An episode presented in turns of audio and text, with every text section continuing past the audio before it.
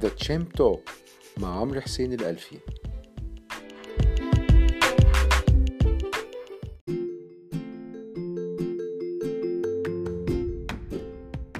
بسم الله الرحمن الرحيم. أهلا بيكم في حلقة جديدة من البرنامج الأسبوعي Champ Talk أو البودكاست بالعربي عن الاستثمار.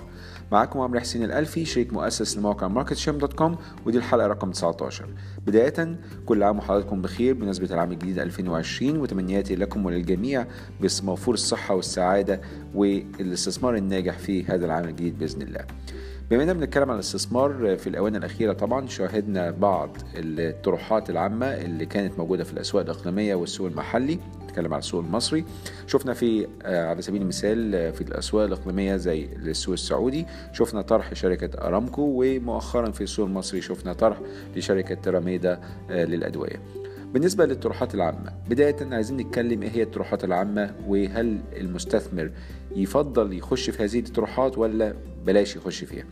طبعا إحنا شفنا الطرح الأكبر في التاريخ وهو طرح شركة أرامكو شركة البترول السعودية.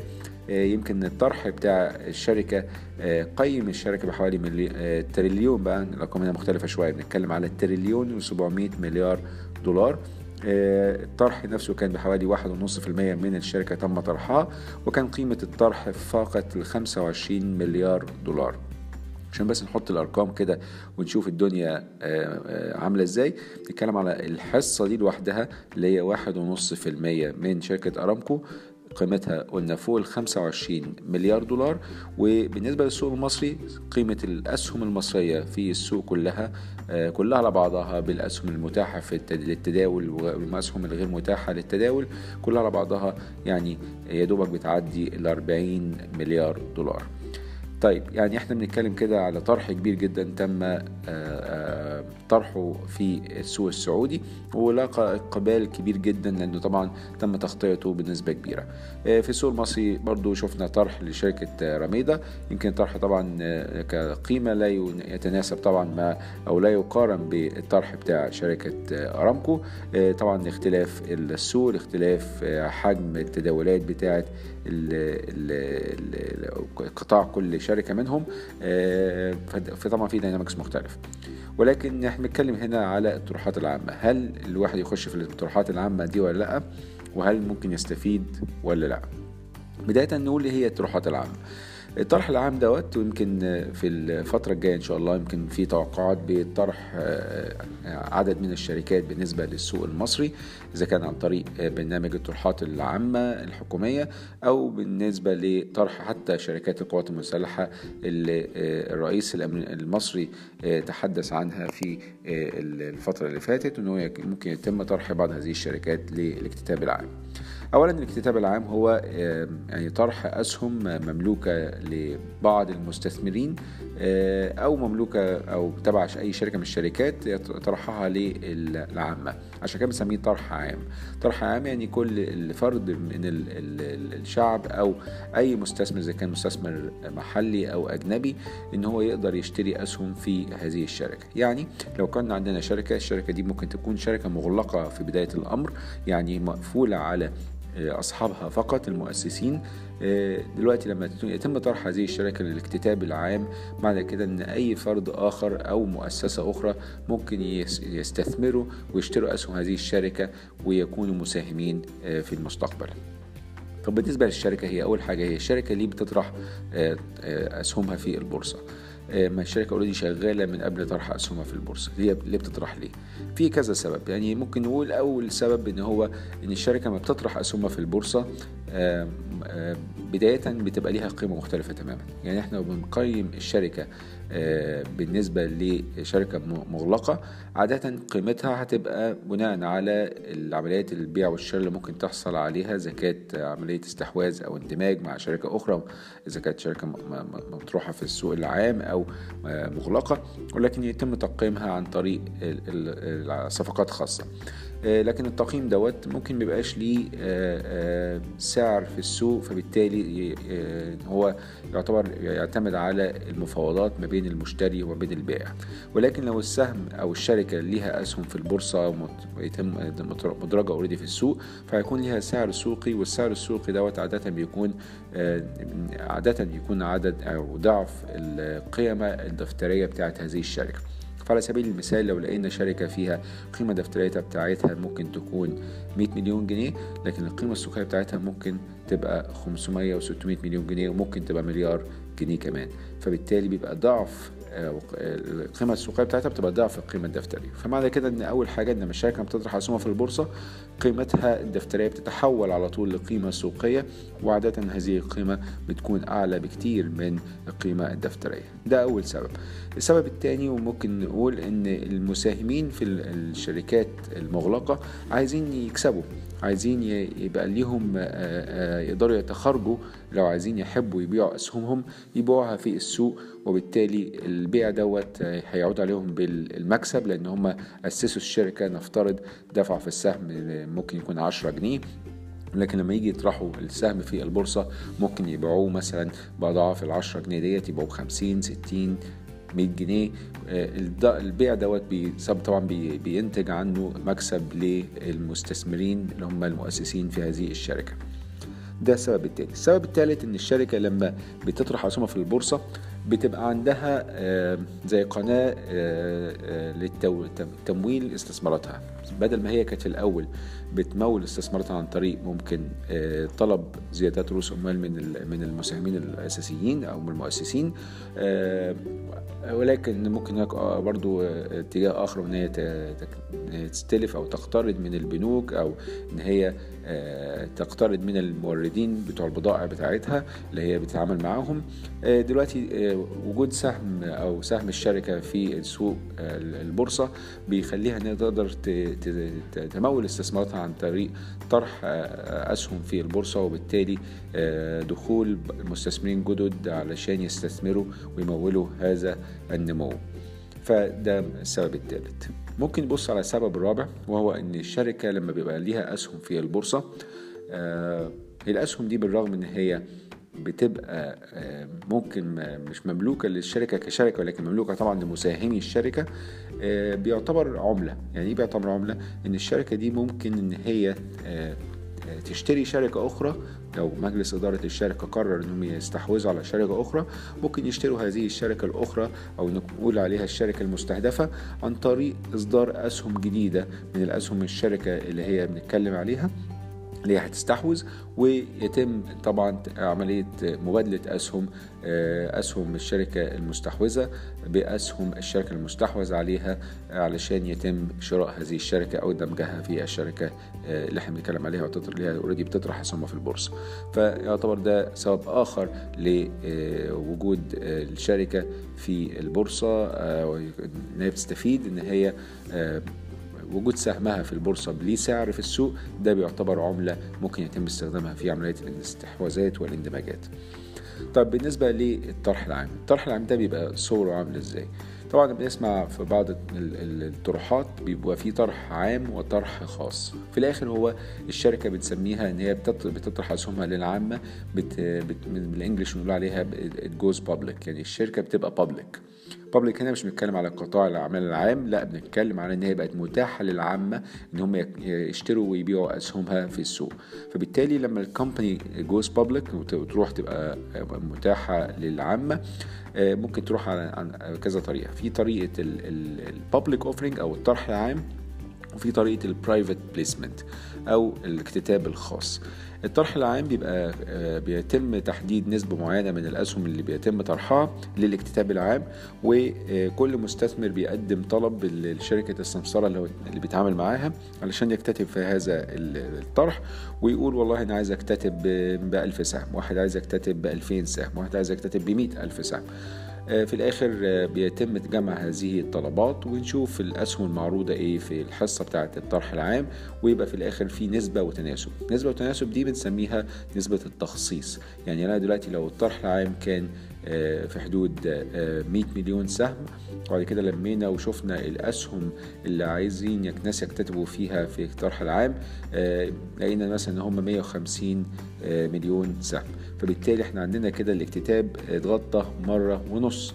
فبالتالي كل مستثمر طلب أي أسهم هيكون هياخد كام؟ مش هياخد كل اللي طلبه هياخد تلتين اللي طلبه. هياخد يعني مثلا لو كان طالب 100 سهم يكتتب في 100 سهم هيكتتب بس فقط في 67 سهم بالتقريب. ليه؟ لأن أنت طبعا المعروض 100 مليون سهم والمطلوب 150 مليون سهم. طبعا لو 100 مليون هم نفسهم ال 100 مليون اللي تم طلبهم يبقى طبعا كل مستثمر طلب أسهم هياخد نفس الرقم ده بالظبط. ده بالنسبة للاكتتاب العام وبيبقى فيه سعر واحد موحد طبعا لكل المكتتبين في الكتاب العام. بالنسبة للكتاب الخاص بيبقى برضو سعر موحد ولكن السعر ممكن يبقى زي سعر الطرح العام وممكن يبقى السعر مختلف على حسب طبعا تفاصيل الطرح. بالنسبة للطرح الخاص هو ليه بيسموه طرح خاص؟ لأنه مش متاح لأي حد يدخل يكتتب فيه. بيبقى متاح لناس معينة إذا كان مؤسسات مالية أو مؤسسات بصفة عامة أو مستثمرين أفراد من ذوي الملاءة المالية المرتفعة. اللي هو نسميهم high net worth individuals أو high net worth investors ده الاكتتاب الخاص بيكون طبعا في مفيش بقى نسبة التخصيص اللي بنتكلم عليها في الكتاب العام لأن هو دلوقتي إحنا بنقول إن كل مستثمر ممكن يقدم رقم ولكن في الآخر الشركة وأصحاب المال هم أصحاب الشركة بالتعاون مع المستشار المالي ممكن يحددوا مين اللي يدخل يكتتب في الاكتتاب الخاص ومين اللي هيكمل معاهم لو هيدخل هيدخل بكام في المية أو بكام عدد الأسهم اللي هيكتتب بيه. طيب السؤال بيطرح نفسه هل كل الطروحات زي بعض؟ بمعنى هل لما الشركة بتطرح أسهمها في البورصة هل هي نفسها زي أي شركة تانية بتطرح أسهمها برضو ولا بيبقى في ولكن ولا بيبقى في اختلاف؟ بداية طبعا الطرح العام هو معناه إيه؟ قلنا إن الأسهم بتاعت الشركة اللي كانت مغلقة هيتم تداولها في البورصة وبالتالي العامة كلهم ممكن يقدروا يكتتبوا يشتروا اسهم هذه الشركة. في في أول مرة وبعد كده لما تبقى مدرجة في السوق بتتداول يقدر يشتريها في أي وقت هو عايز أو هي عايزة بالنسبة لأنواع الطروحات آه في اختلاف. ليه؟ الاختلاف دوت ممكن ما يفرقش معايا قوي كمستثمر ولكن يفرق في فهمي ل يعني ما يفرقش معايا في الاكتتاب نفسه لكن يفرق في فهمي لغرض الطرح. عندنا نوعين من الطروحات. عندنا نوع اللي هو بنسميه طرح أولي أو طرح ثانوي الطرح الأولي واللي بنسميه أو بيتم يعتبر تداوله في ما يسمى بالسوق الأولية هو طرح أسهم جديدة. يعني الشركة لما تكون عايزة تطرح أسهمها دي شركة مغلقة وعايزة تطرح أسهمها في البورصة للعامة ولكن عايزة من بداية الأمر على طول تزود رأس مالها بحيث إن هي تلم فلوس علشان تمول مثلا مشروعات ليها أو مصروفات رأسمالية عايزة تعملها الفترة الجاية. ده اسمه طرح أولي لأن بيتم طرح أسهم جديدة من طبعا الأسهم الجديدة دي يتم إصدارها لأول مرة فبالتالي ليس لها ملاك أصليين ولكن هي أسهم جديدة يتم إضافتها لرأس مال هذه الشركة اللي بتطرح أسهمها. ده الطرح الأولي. بالنسبة للطرح النوع الثاني هو الطرح الثانوي. الطرح الثانوي وهو إن المساهمين بيطرحوا أسهمهم في البورصة عن طريق طبعا المستشار المالي ويتم وشركة السمسارة بيتعاونوا معاها بحيث إن اللي هيكتتب هذه الأسهم هو كأنه بيشتري أسهم المساهمين المؤسسين للشركة. طبعا بتبقى نسبة وتناسب يعني ممكن نفترض إن إحنا في مثلا 10 مساهمين أساسيين في الشركة بيملكوا 100% في الشركة وقرروا إن هم يطرحوا أسهمهم أو أسهم الشركة في البورصة ولكن عن طريق مش عن طريق بقى السوق الأولي ولكن عن طريق السوق الثانوي بمعنى انهم هيطرحوا جزء من أسهمهم للناس عشان يشتروه. فبالتالي بدل ما يبقى عندهم المؤسسين دولت اللي هم 10 أفراد عندهم 100% في الشركة ممكن يبقى عندهم 80% في الشركة ويبيعوا 20% من الشركة. بالتالي نقول لو الشركة عندها 100 مليون سهم يبقى في 20 مليون سهم يتم طرحهم للاكتتاب العام ولكن عن طريق طرح ثانوي. يبقى دي أسهم اوريدي كانت مملوكة للمساهمين الأصليين أو المؤسسين ويتم بيعها لمساهمين جدد. وبالتالي إحنا كده عندنا نوعين عندنا الطرح الأولي والطرح الثانوي. بالنسبة للطرح الأولي والطرح الثانوي الاثنين بيبقى سعرهم ممكن يبقى سعر واحد. ممكن يطلع أو الشركة تقرر إن هي تطرح اسهمها في البورصة باستخدام الاثنين طرح أولي وطرح ثانوي. ممكن الطرح الأولي والثانوي إزاي يتعملوا في نفس الوقت؟ نقول الشركة مثلا رأس مالها 100 مليون جنيه. وعايزة عندها مشروع عايزة تعمله بحوالي 50 مليون جنيه. طب هتعمل إيه عشان تكتتب وعشان تلم الفلوس؟ تعمل اكتتاب عام وتلم حوالي 50 مليون جنيه علشان يبقى عندها رأس المال دوت إن هي تقدر تمول بيه مشروعاتها. فبالتالي هتطرح أسهم ما قيمتها 50 مليون جنيه علشان تقدر تمول هذه المشروعات. وبالتالي ده يعتبر طرح عام أولي. يعني دي أسهم جديدة هيتم إصدارها. ولكن نيجي نبص على الطرح نفسه اللي هيتم هنلاقي إن الشركة مش بتطرح أسهم ب 50 مليون دي بتطرح أسهم ب 70 مليون. طب إيه ال 70 مليون دولت جم منين؟ إحنا عارفين ال 50 مليون. طب ال 20 مليون الزيادة دول جم منين؟ 20 مليون جنيه الزيادة دولت ممكن يكونوا آه أو ده أكيد طبعا هيكون بيع آه للمساهمين الأصليين أو المؤسسين لبعض أسهمهم ما يعادل 20 مليون جنيه. يبقى الطرح العام كله على بعضه. الشركة بتيجي تطرحها هتلاقي إنها بتطرح أسهم ما قيمتها 70 مليون جنيه ولكن اللي هيخش في جيب الشركة 50 مليون جنيه فقط واللي هيخش في جيب المساهمين الأصليين 20 مليون جنيه اللي هي باقي ال 70 مليون جنيه. فبالتالي الطرح العام لما يكون موجود ويكون طرح إن نفترض وات قيمته إيه بنحاول نعرف تقسيمته. هل في فلوس جديدة داخلة الشركة ولا الفلوس دي جزء منها هيروح الشركة وجزء هيروح للمساهمين اللي بيبيعوا ولا كل الطرح دوت هيروح للمساهمين اللي بيبيعوا؟ ده يفرق معايا إيه كمستثمر؟ يفرق معايا إن أنا أعرف أول حاجة الشركة بتعمل طرح ليه. هل بتعمل طرح عشان تمول مشاريعها مثلا؟ فبالتالي في معدلات نمو زيادة ممكن تحققها. ولا هي الطرح دوت عبارة عن فقط تخارج للمساهمين الأصليين في البورصة وبالتالي هم كده بيبيعوا جزء من أسهمهم في البورصة. لأي سبب ما ممكن من ضمن هذه الأسباب والله أعلم يكون مثلا إن هم شايفين إن معدلات النمو في الشركة اللي هم بيأسسوها من زمان شايفين معدلات النمو بتتباطأ فبالتالي ممكن يقول لا إحنا عايزين نتخارج دلوقتي. فنسبة التخارج برضو بتفرق يعني لو مساهمين أصليين بيبيعوا 20% من حصتهم غير ما بتكون بيبيعوا مثلا 40 أو 50% من حصتهم. فبالتالي ده بيدي مدى أو بيعكس مدى ثقتهم في معدلات النمو اللي موجودة في الشركة بتاعتهم. فبالتالي كده إحنا محتاجين نفرق ما بين الطروحات العامة نفسها هل هي طرح عام أولي ولا طرح عام ثانوي ولا مجموعة من الاتنين.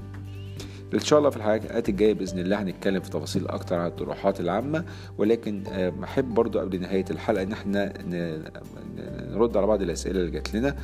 كان الأستاذ محمد شومان بيسأل عايز يعرف لو بالنسبة لل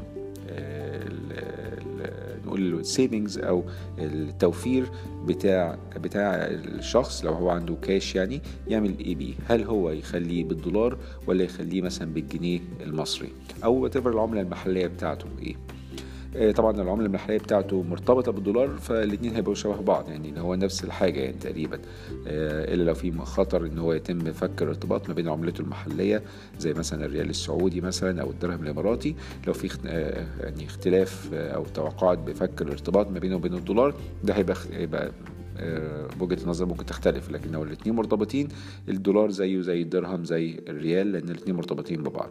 ولكن على في حالة الجنيه المصري اللي هو غير مربوط بالدولار دلوقتي المستثمر يعمل إيه؟ لو عنده سيولة يحطها بالدولار ولا يحطها بالجنيه المصري؟ طبعا ده سؤال يمكن بيجي على ذهن الناس خصوصا في الاونه الأخيرة بعد انخفاض سعر الدولار من فوق 17 جنيه لتحت 16 جنيه وفي توقعات في السوق إن هو ينخفض أكتر. بداية أنا شخصيا لما أجي أستثمر وأحط فلوس أنا ما بجريش ولا الدولار إن أحط الدولار أشتري دولار علشان أنا أكنزه ولا إن أنا أحول الاستثمارات المصري الجنيه المصري لدولار أو العكس. يعني أنا لو عندي دولارات موجودة إذا كان عملتها من صفقة معينة أو أنا اشتغلت بره أو حولت فلوسي من الخارج أفضل الدولار يفضل دولار. ليه؟ يمكن دي ما تكونش أحسن حاجة في الدنيا ولكن أنا بفكر بيها بطريقة مختلفة إن أنا بقول لو أنا الدولارات ديت بالنسبة لي مش محتاج إن أنا أصرفها فبالتالي بخليها كأنها مخزن للقيمة. إحنا عارفين طبعا الدولار يعتبر عملة صعبة ومع الوقت طبعا قصاد العملات الأخرى اللي ممكن تكون فيها عملات دول فيها معدلات تضخم عالية نظرية اقتصادية بتقول إن قيمة الدولار قصاد هذه العملات هترتفع مع الوقت نتيجة انخفاض القوه الشرائية للعملة المحلية. شفنا الكلام ده حصل طبعا بصورة كبيرة في الفترة اللي فاتت للجنيه المصري ولكن طبعا في الفترة الأخيرة في آخر سنة لقينا إن الجنيه المصري بيرتفع بصورة كبيرة مقارنة بالدولار يمكن ارتفع حوالي 12% في 2019 لوحده. طبعا اللي بياخد المخاطرة إن هو يراهن على اتجاه العملة ده اللي بياخد المخاطرة بتاعته هو اللي يتحمل هذه المخاطرة. ولكن أنا بفضل إن أنا ما أخدش هذه المخاطرة. باخدش المخاطر إن أنا أخاطر أو أراهن على ارتفاع الدولار أو انخفاضه. لأن أنا كده كده بستثمرش أنا بستثمر أو بحول فلوسي من دولار لجنيه ومن جنيه لدولار آه نتيجة أو توقعا للاتجاه العام للعملات. وأنا في رأيي العملات يعني آه لو أنا هحول من عملة لعملة لازم يكون لي سبب اقتصادي مش السبب إن أنا ضارب على العملة. خصوصا إن أنت بتشتري العملة أنت بتشتري آه معاك أصل سائل وكل حاجة بس أنت مش مالك مثلا ملكية في شركة مش مالك آه real asset أنت مالك في الآخر financial asset يعني أصل مالي. ولكن الأصل المالي ده ممكن ينخفض قيمته أو تنخفض قيمته بصوره كبيرة آه سريعا.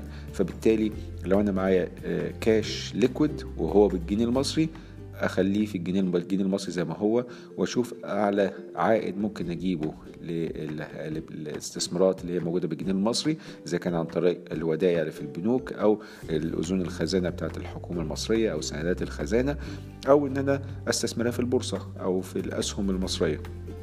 فبالتالي أشوف إيه العائد الأعلى للجنيه المصري.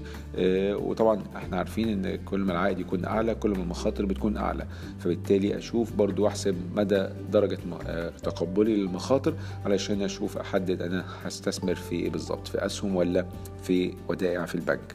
بالنسبة للدولار لو أنا عندي دولار ممكن أحطهم في وديعة في لو أنا مش هستخدمها في الفترة الجاية ممكن أحطهم وديعة في البنك. ممكن تجيب لي فوق ال 4% سنويا لو أنا بستثمر لفترة طويلة أو أستثمر في اليورو بونز أو السندات الدولارية بتاعه مصر اللي هي بتدي فايدة بالدولار وممكن دي الفايدة بتاعتي سنويا ممكن تكون في حدود الخمسة وستة في المية سنويا. ده بالنسبة للسؤال اللي هو لما أجي أختار وأحط في السيولة بتاعتي دولار ولا جنيه مصري. السؤال التاني هل أنا لو هستثمر برضو هل أستثمر في عقارات ولا في الذهب؟ طبعا هو الاستثمار في العقارات أو الذهب يعني في اختلاف ما بين الاثنين آه ولكن الحاجة التشابه اللي بينهم إن هم يعتبروا استثمار يعني بتستثمر في آه أصول حقيقية مش أصول مالية. الريل استيت أنت أصل حقيقي شايفه قدامك الذهب برضو بتبقى شايفه قدامك فده يعتبر آه أصل حقيقي. بالنسبة للريل استيت استثمارك فيه يرجع لكذا هدف يعني الهدف الأساسي منه إيه؟ هل أنت عايز تستثمر وخلاص ولا أنت بتستثمر علشان تسكن في هذا العقار. لو انت بتستثمر عشان تملك يعني تسكن في هذا العقار طبعا ده بيبقى يعتبر حاجة أساسية أنت بتلبيها فبالتالي ده بيغني عن الاستثمار في الذهب فبالتالي أنت لازم تستثمر في العقار. لكن أنت بتستثمر في العقار لمجرد الاستثمار يبقى لازم أشوف العائد اللي جاي من الاستثمار ده عامل إزاي. طبعا في الفترة الأخيرة في السوق المصري بما أن الأستاذ محمد شومان بيسألنا على الجنيه المصري فتخيل أن هو موجود في السوق المصري شفنا العقارات في السوق المصري في تباطؤ في عمليات الشراء في العام 2019 فبالتالي لو أنا هستثمر في العقار لازم أكون قادر على سداد الأقساط بتاعتي على مدى عمر العقد اللي بيني وبين شركة شركة المطور العقاري. علشان في الآخر لو أنا ما كان معايا جزء فقط من المال وأنا مش عارف أكمل هتيجي في نص الفترة هتلاقي إن أنت مش قادر تكمل وهتضطر إن أنت ترجع الوحدة للمطور العقاري أو تحرق سعرها في السوق عشان تعرف تبيعها لأن أنت ما عندكش فلوس تكفي أو تكمل الأقساط. فبالتالي لو أنت هتختار استثمار في الريل استيت الأفضل طبعا أن أنت يكون عندك الفلوس أو عارف أن عندك القدرة المالية في المستقبل أن أنت تقدر تلبي أو توفي الالتزامات اللي عليك من الأقساط المختلفة بالنسبة للاستثمار في هذا العقار. أما لو كنت ده طبعا لو كان عقار سكني لكن لو كان عقار آه، مثلا نقول مكتبي أو آه، أو تجاري طبعا ده بتبص له على أساس إن أنت إمتى هتستلم العقار والعقار ده بتستلمه تقدر تأجره بقد إيه وبكام فبالتالي هتعمله زي ما نقول نقيم أي شركة نعمل discounted cash flow هنعمل تقييم للتدفقات النقدية اللي هتيجي من هذا العقار وتشوف قيمته عاملة إزاي وبالتالي تحدد توقعاتك للعائد المتوقع إن شاء الله من هذا الاستثمار. أما بالنسبة للاستثمار في الذهب يمكن تاريخيا على المدى اتليست ال 10 15 سنة اللي فاتوا هتلاقي الذهب آه، بيرتفع مع الوقت. آه، لو أنت ما عندكش آه، جزء من استثماراتك في الذهب أنصح إنه يكون على الأقل ما بين 5 ل 10% من من القيمة قيمة الأموال اللي عندك ان تكون موجودة في الذهب لأن الذهب بالرغم إن هو يعتبر أصل ما بيجيبلكش أي كاش فلو ولكن هو اصل بيزداد قيمته في وقت الأزمات. لما يكون في أزمة آه، إذا كانت جيوسياسية أو حرب أو أو حتى التضخم الكبير الذهب بيعتبر ملاذ آمن وليه بيسموه ملاذ آمن؟ لأنه سعره بيرتفع لأن الناس بتقبل عليه بتبيع كل الأصول اللي هي فيها مخاطر ويقبلوا على الذهب عشان يشتروه فده بيرفع من سعره آه، بيرفع من سعره ولكن لو كان كمان آه، عملتك الأصلية بتاعت الدولة بتاعتك عملة غير الدولار الأمريكي لو أنت مصري مثلا مع بتستثمر بالجنيه المصري اللي بيحصل كمان إن لو حصل انخفاض في قيمة العملة المحلية أنت كمان مش بس بتستفيد من ارتفاع سعر الذهب ولكن بتستفيد أيضا من ارتفاع قيمة الدولار قصاد العملة المحلية بتاعتك فبالتالي تستفيد مرتين وده شفناه حصل طبعا في الفترة اللي فاتت في السوق المصري لما حصلت انخفاض لقيمة الجنيه بصورة كبيرة وأدى طبعا إن سعر الذهب ارتفع مرتين مرة عشان ارتفاع الذهب نفسه بالدولار ومرة علشان ارتفاع قيمة الدولار قصاد الجنيه المصري.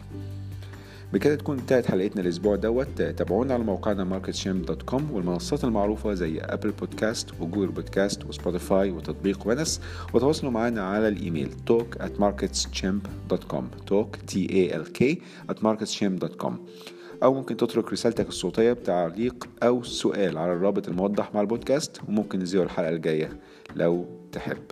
كان معكم عمرو حسين الألفي من ماركت شامب لكم مني أرق أمنياتي والسلام عليكم ورحمة الله وبركاته.